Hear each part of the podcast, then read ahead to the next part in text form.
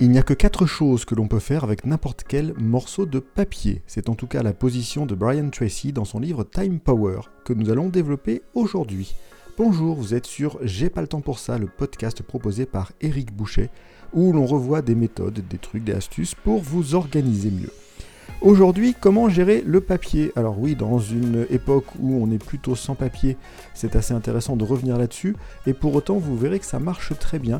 Le livre Time Power a été écrit en 2004 par Brian Tracy, mais ce qu'il propose reste totalement d'actualité, et vous verrez que ça s'applique aussi totalement à ce qui peut être électronique. Il nous dit donc, monsieur Tracy, qu'il y a quatre façons possibles juste de gérer n'importe quel morceau de papier que l'on reçoit. La première, c'est ma préférée, on le jette. Dans beaucoup de choses que l'on reçoit, et c'est vrai que c'est valable également pour des emails, on n'en a juste pas forcément besoin ni l'utilité. Donc ça va être important de réfléchir à cette possibilité de simplement jeter ce que je n'ai reçu, ce que j'ai reçu, je n'en ferai rien, je le mets directement à la poubelle.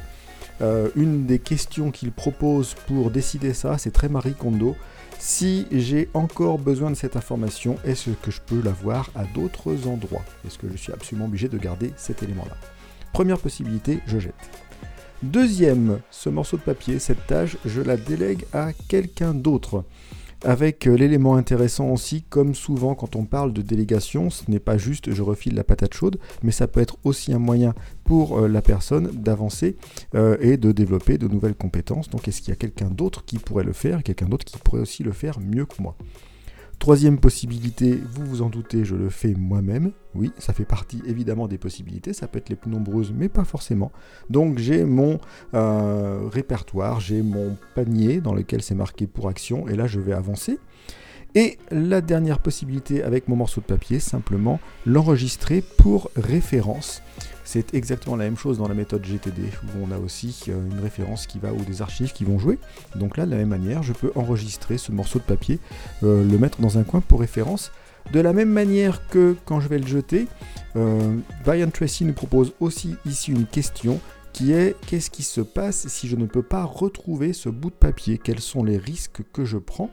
Donc c'est aussi une question intéressante à savoir, euh, est-ce que c'est un élément qui est critique à archiver ou au contraire est-ce que finalement euh, je vais jamais le revoir?